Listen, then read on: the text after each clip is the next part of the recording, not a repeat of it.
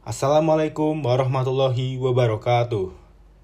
Puji syukur kita panjatkan kehadirat Allah Subhanahu wa taala yang telah memberikan kita semua nikmat sehat sehingga kita dapat berjumpa pada kesempatan kali ini. Salawat serta salam semoga tetap terturahkan kepada Nabi kita, Nabi besar Muhammad Sallallahu Alaihi Wasallam. Baik, bagaimana nih kabar dari saudara-saudara yang saya cintai dan yang saya banggakan? Semoga kabar-kabarnya baik dan selalu semangat menjalani hari. Sebelum itu, kami akan memperkenalkan diri nih supaya kita bisa makin akrab. Oke, perkenalkan saya Darutisna Siaji dan partner saya Kevin Ahmad Saputra. Akan menemani hari Anda dengan bincang-bincang ringan di pagi ini. Di sini kami sudah ditemani dengan bintang tamu spesial kita, Tiara Zian, Anissa Rutatul, Akila Salsabila, dan Alif Prasetyo. Ya, pada hari ini kita akan membahas tentang sejarah singkat ekonomi Islam. Bicara ekonomi, tentu sudah tidak asing lagi ya di telinga kawan-kawan sekalian. Berbagai permasalahan ekonomi sering kali kita dengar di negeri ini. Sampai-sampai banyak pemerhati atau ekonom yang kalar kilir mencari solusi bagi kacaunya sistem perekonomian abad ini. Di sisi lain, agama Islam yang prinsip ajarannya bersifat rahmat talil alamin sudah mulai menertibkan sistem masyarakat yang buruk sejak awal kemunculannya 14 abad silam. Yang menjadi pertanyaan nih Tiara, bagaimana sih ke awal kelahiran ekonomi Islam itu? Terima kasih kesempatannya Kevin. Jadi, ekonomi Islam itu lahir dari upaya merespons kondisi sosial ekonomi yang terjadi. Pendekatannya ada yang bersifat normatif, yakni sesuai dengan ajaran Islam, dan ada juga yang bersifat positif, yakni sesuai dengan kondisi real atau kondisi yang terjadi. Membahas kelahiran pastinya tidak jauh-jauh dari awal mula atau cikal bakal. Nah, apa bisa nih dibantu jelaskan atau diceritakan kisah sejarah singkat mengenai ekonomi Islam? Baik, saya izin menjawab begini. Sejarah ekonomi Islam dimulai ketika Nabi Muhammad SAW hijrah ke Madinah.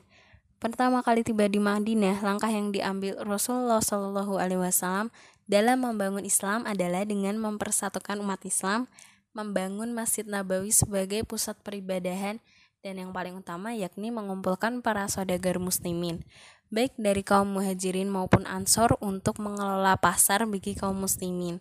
Hal inilah yang ternyata menjadi cikal bakal ekonomi Islam. Wah, yang dapat saya simpulkan sih, berarti suatu negara menjadi beradab karena disokong oleh perekonomian yang kuat. Islam dapat menjadi kuat secara finansial karena sistem ekonominya itu kuat dan disiplin.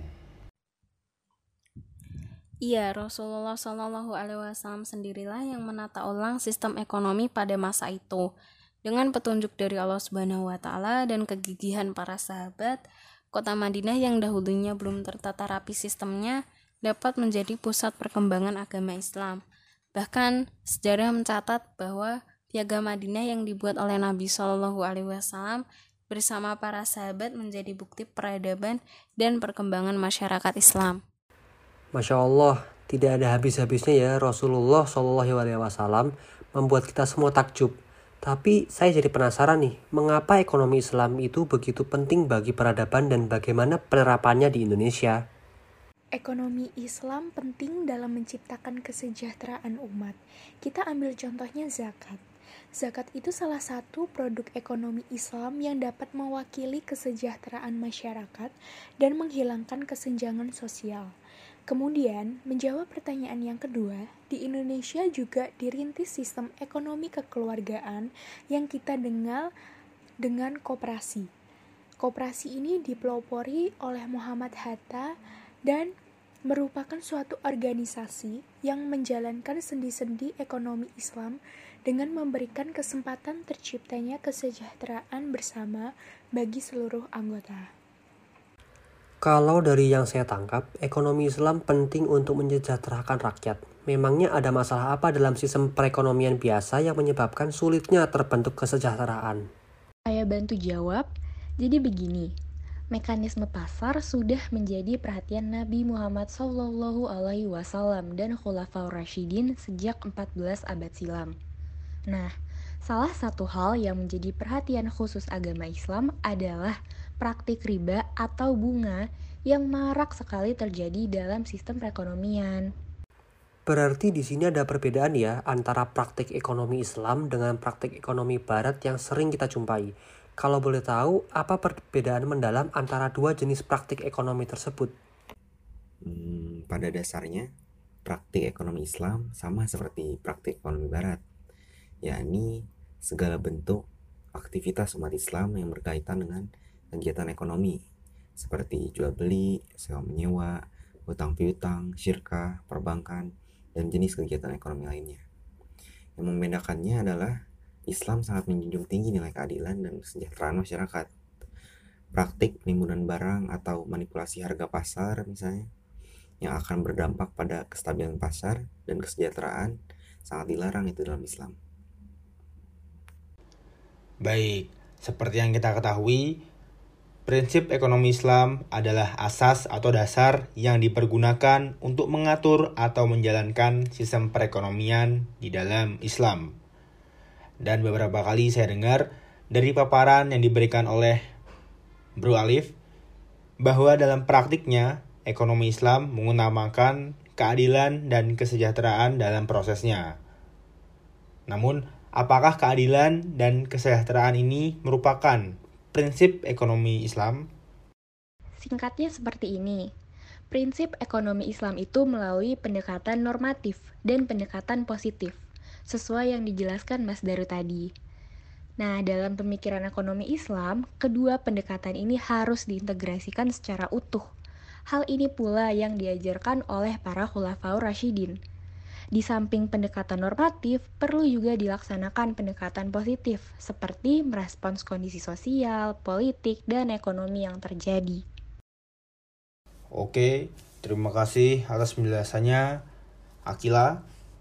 Seperti yang telah dipaparkan oleh saudara-saudara kita tadi, dapat disimpulkan bahwa ekonomi Islam itu adalah upaya atau usaha untuk mengatur dan menjalankan roda perekonomian yang berasaskan pada nilai-nilai syarikat Islam yang diatur dalam Al-Quran, hadis, dan ijma. Penerapan asas-asas inilah yang nantinya membantu umat Islam dalam membentuk sistem perekonomian yang stabil.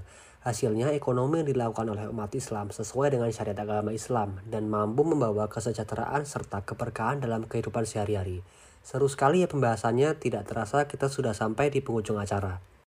Ya, saudara-saudara sekalian, bagi yang jauh maupun yang dekat, bagi pendengar dan pembawa materi, semoga acara pada hari ini dapat menambah wawasan dan bermanfaat untuk kehidupan saat ini dan ke depannya. Saya dan Kevin, selaku pembawa acara, mengucapkan terima kasih sebesar-besarnya kepada bintang tamu kita yang sudah bersedia hadir pada kesempatan kali ini. Tak lupa kami memohon maaf bila ada kata-kata yang salah ataupun kurang berkenan bagi saudara-saudara sekalian. Berat rasanya menyudahi pertemuan kali ini, namun semoga kelak dapat dipertemukan kembali. Saya dan seluruh pengisi acara izin undur diri. Wassalamualaikum warahmatullahi wabarakatuh.